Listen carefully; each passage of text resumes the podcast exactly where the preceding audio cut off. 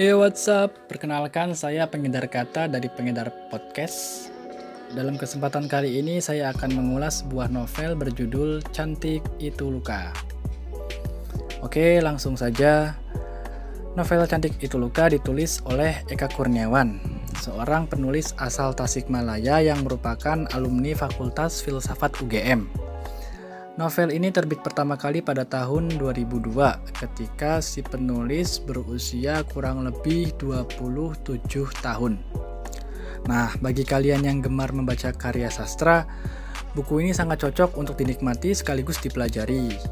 Mengapa? Karena di samping memiliki halaman yang cukup tebal, gagasan yang ditawarkan oleh Eka Kurniawan dalam buku ini pun sangat segar dan memiliki alur cerita yang sukar ditebak. Sehingga, biarpun bukunya tebal, pembaca tidak akan dibuat bosan oleh cerita yang ditawarkan oleh si penulis.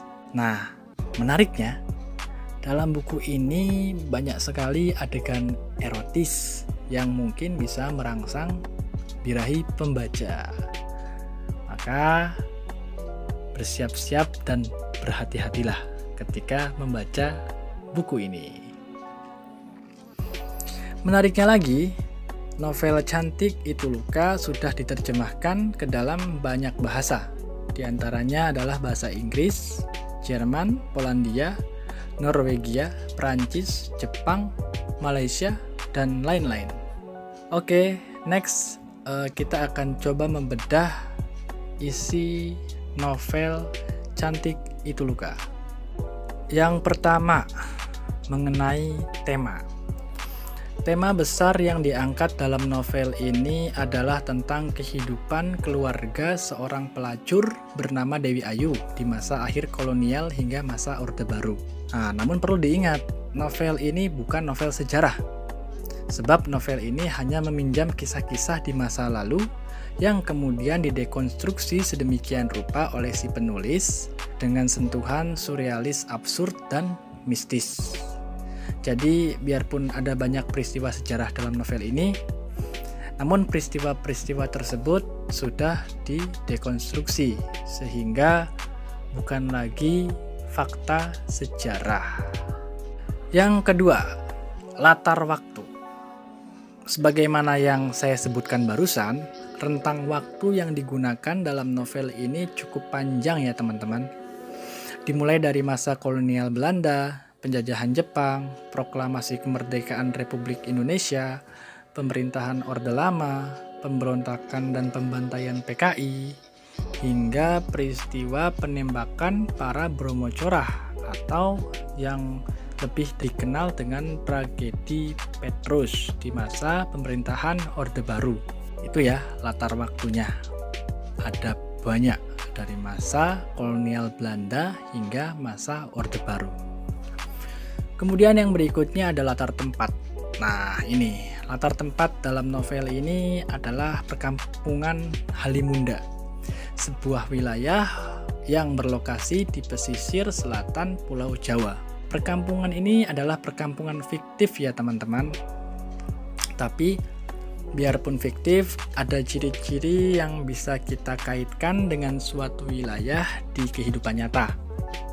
Dan kalau saya boleh curiga, mungkin lokasinya berada di sekitar Pangandaran di Jawa Barat. Mengapa demikian? Karena ciri-ciri Halimunda agak mirip dengan Pangandaran. Yaitu yang pertama berada di selatan Pulau Jawa, kemudian memiliki mitos Dewi Rengganis. Seperti itu. Terlepas dari benar atau tidak, wallahu alam ya, karena bukan saya penulisnya. Saya hanya menduga-duga saja. Kemudian yang berikutnya ada alur. Alur dalam novel ini sangat variatif, maju dan mundur. Agak kompleks memang, rumit juga, tapi overall seru sih. Nah, sebagai contoh, mengenai alur, saya akan membacakan cuplikan kisahnya ya. Cerita dalam novel ini dimulai dengan kebangkitan Dewi Ayu dari kubur setelah 21 tahun kematian. Anehnya, tubuh perempuan itu masih utuh seperti baru dikubur semalam. Lalu sosok Dewi Ayu yang baru saja bangkit dari kubur itu berjalan ke arah rumahnya. Jadi dia tuh kayak mau pulang ke rumah gitu. Lengkap dengan kain kafan yang masih melekat di badan. Kemudian cerita berlanjut hingga Dewi Ayu tiba di rumahnya.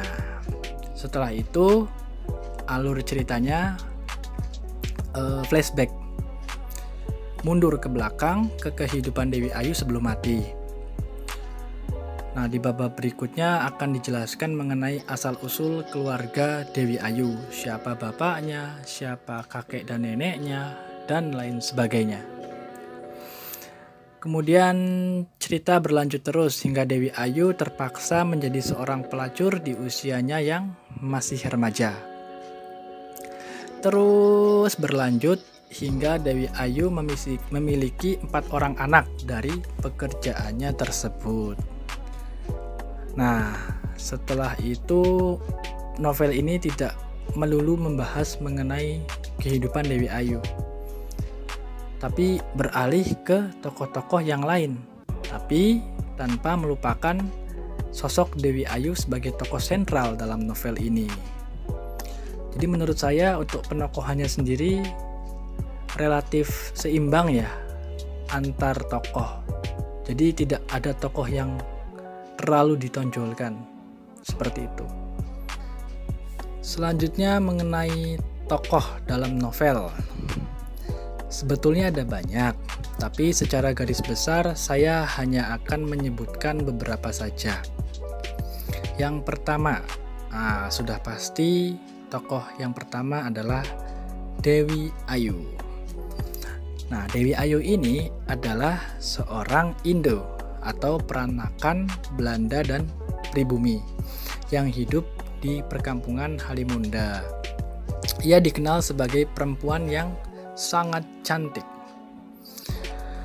Namun setelah kekuasaan Belanda digantikan Jepang, Dewi Ayu dan sejumlah keturunan Belanda yang lain dijadikan tawanan perang oleh tentara Jepang Lalu mereka dijadikan pelacur di sebuah rumah mewah yang dikenal dengan sebutan Rumah Pelacuran Mama Kalong. Usia Dewi Ayu saat itu masih remaja. Masih perawan juga. Tapi terpaksa harus melayani hasrat seksual para prajurit Jepang tanpa pernah bisa melawan sedikit pun. Karakter Dewi Ayu sendiri bisa dibilang aneh absurd ya. Berbeda dengan karakter kebanyakan orang dalam novel ini.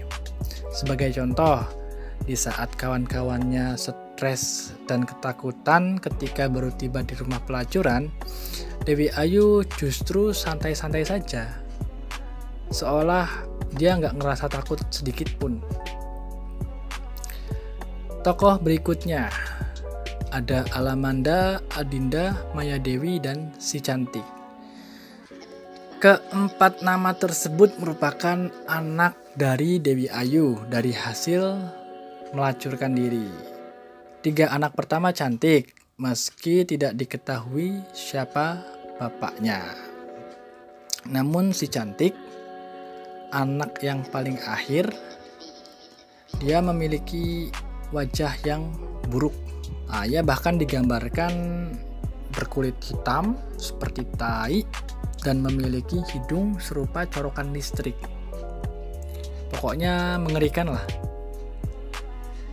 Jadi dari keempat anak Dewi Ayu itu tiga pertama cantik dan anak terakhir yang namanya si cantik itu jelek. E, sederhananya seperti itu. Tapi biarpun jelek, uh, inilah yang diharapkan oleh si Dewi Ayu. Kenapa? Karena si Dewi Ayu konon merasa bosan memiliki anak yang berwajah cantik. Tokoh berikutnya ada Maman Gendeng. Nah, Maman Gendeng ini merupakan seorang pendekar sakti mandraguna, murid dari Empu Sepak dari Gunung Gede yang begitu semangat dan ambisius untuk mencari keberadaan Dewi Rengganis. perempuan cantik cerita yang telah menjadi mitos bagi masyarakat Halimunda. Nah, sesampainya di Halimunda, ia mencari keberadaan Dewi Rengganis, bertanya ke sana kemari kepada banyak warga, tapi si Dewi Rengganis itu nggak pernah ia temukan. Ya intinya si Dewi Rengganis itu nggak ada di kampung ini.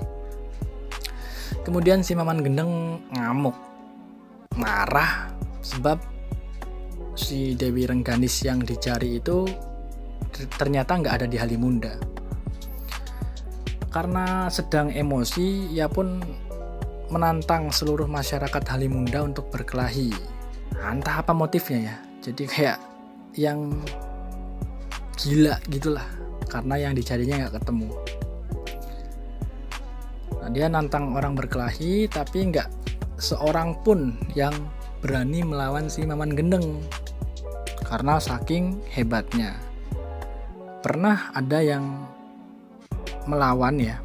Tapi ujung-ujungnya mati dan Maman Gendeng yang menang. Akhirnya Maman Gendeng dikenal sebagai salah seorang yang kuat di Halimunda. Maman Gendeng kemudian e, naksir sama Dewi Ayu. Terus sebagai orang terkuat di Halimunda ia lantas mengajak Dewi Ayu menikah tapi ditolak sama si Dewi Ayu karena Dewi Ayu hanya ingin bercinta jika dibayar. Maman Gendeng kecewa tuh, tapi akhirnya dia menemukan solusi. Oke, kalau gue nggak bisa nikahin lu, yang penting nggak boleh ada yang pakai lu kecuali gue gitu. Ia pun memonopoli tubuh Dewi Ayu. Gak boleh uh, ada yang menyentuh Dewi Ayu kecuali dirinya. Tapi pada akhirnya si Maman Gendeng tuh nikahnya malah sama Maya Dewi, anaknya si Dewi Ayu yang ketiga. Kemudian yang berikutnya ada Kamerat Kliwon. Nah, Kamerat Kliwon ini merupakan anak seorang komunis miskin, tapi memiliki wajah yang ganteng dan cerdas. Dikenal sebagai penakluk wanita Sejak kecil dia naksir sama si Alamanda, anak Dewi Ayu yang pertama. Singkat kisah, antara Kamerat Kliwon dan si Alamanda ini saling mencintai. Terus pada suatu ketika si Kliwon ini harus melanjutkan pendidikan ke luar kota. Diantarlah si Kliwon ini menuju stasiun oleh Alamanda. Kemudian sebelum berpisah, sepasang kekasih itu berciuman hebat di bawah pohon ketapang di dekat stasiun dan berjanji akan bertemu dua tahun lagi di bawah pohon ketapang itu. Mereka pun selanjutnya menjalani hubungan jarak jauh atau LDR. Ah, beberapa waktu kemudian si Alamanda malah ditikung oleh seseorang. Si Kliwon pun akhirnya marah. Dia pun pulang kampung dan setibanya di kampung halaman di stasiun kereta api, dia menebang pohon ketapang yang ada di stasiun. Tempat yang pernah dia gunakan untuk berciuman dan sebuah tempat yang direncanakan sebagai titik pertemuan antara Kliwon dan si Alamanda dua tahun lagi. Setelah ditebang pohonnya, si Kliwon itu memotong kecil-kecil kayu-kayu tersebut, pohon tersebut menjadi potongan kayu, kayak kayu bakar gitu. Terus dia gendong tumpukan kayu itu kemudian uh, pergi ke rumah si Alamanda yang saat itu sudah siap untuk hajatan ya mungkin besoknya hajatan gitu. Sambil bilang gini gunakan kayu ini untuk pesta pernikahan kalian sebagai bahan bakar untuk memasak. Uh tragis banget kan pohon yang dulu direncanakan sebagai tempat bertemu malah ditebang dan digunakan untuk bahan bakar memasak di pesta pernikahannya si Alamanda. Akhirnya dengan alur yang cukup rumit, si Kliwon nggak jadi nikah sama si Alamanda. Nikahnya malah sama Adinda. Wah pokoknya puyeng lah. Rumit. Kemudian tokoh berikutnya ada Sodanko. Sodanko merupakan tentara pejuang dan seorang gerilyawan di masa penjajahan Belanda. Dia merupakan seorang pribumi yang terkenal di Saantero Halimunda karena telah berjasa dalam perjuangannya melawan penjajah. Konon, si Sodanko ini sempat ditawari oleh Presiden Soekarno untuk diangkat menjadi jenderal besar di Jakarta, tapi ditolak sebab ia lebih suka tinggal di Halimunda. Jabatan jenderal besar itu pun akhirnya jatuh kepada seorang tentara bernama Sudirman. Dan kalian tahu, si Sodanko inilah yang nikung Kliwon dan berhasil kawin dengan Alamanda. Walaupun si Alamanda sama sekali nggak pernah cinta sama si Sodanko. Mereka menikah pun karena Alamanda diperkosa lebih dulu oleh si Sodanko. Wow, jahat banget kan? Bahkan setelah menikah, Alamanda nggak pernah sudi disetubuhi oleh si Sodanko itu. Sampai sampai sampai dia memasang celana dalam ajaib yang hanya bisa dibuka oleh rapalan mantra yang tidak diketahui oleh siapa pun kecuali oleh dirinya sendiri. Jadi sepanjang mereka menikah itu uh, Sodanko nggak pernah menyetubuhi Alamanda. Namun pada suatu hari dia apa ya mencari-cari kesempatan untuk mengambil celana dalam tersebut ketika si Alamanda sedang berada di kamar mandi dan melepas celana dalamnya.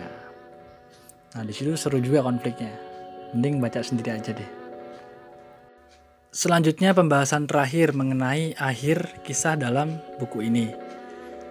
Jadi gini, setelah masing-masing tokoh menikah, si Sodanko dengan Alamanda, Maman Gendeng dengan Maya Dewi, kemudian Kliwon dengan Adinda, um, semuanya itu kemudian dikaruniai anak masing-masing. Nah, konyolnya anak-anak mereka itu bikin ulah lagi di Halimunda sama kayak orang tuanya.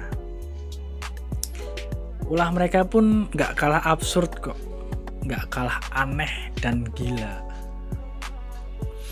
Rumit juga bagian ini, tapi asik, penuh dengan plot twist yang asik lah pokoknya. Kalau saya lanjutin ceritanya mungkin bakalan panjang dan mending langsung baca aja sendiri.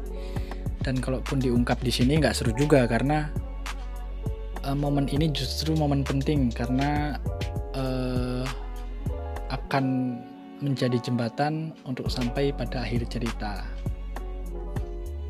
Yang jelas, dari sekian konflik yang ada, segala kerumitan dalam novel ini akan mengantarkan kita pada sebuah kesimpulan yang tegas bahwa cantik itu luka. Seperti itu kita pun akan disuguhkan dengan perspektif lain mengenai makna cantik itu sendiri. Sebuah perspektif yang cukup miris dan menyedihkan. Ya, seolah-olah novel ini ingin berkata, untuk apa kecantikan seorang perempuan di tengah birahi kaum lelaki yang memiliki libido seks seperti anjing? Seperti itu.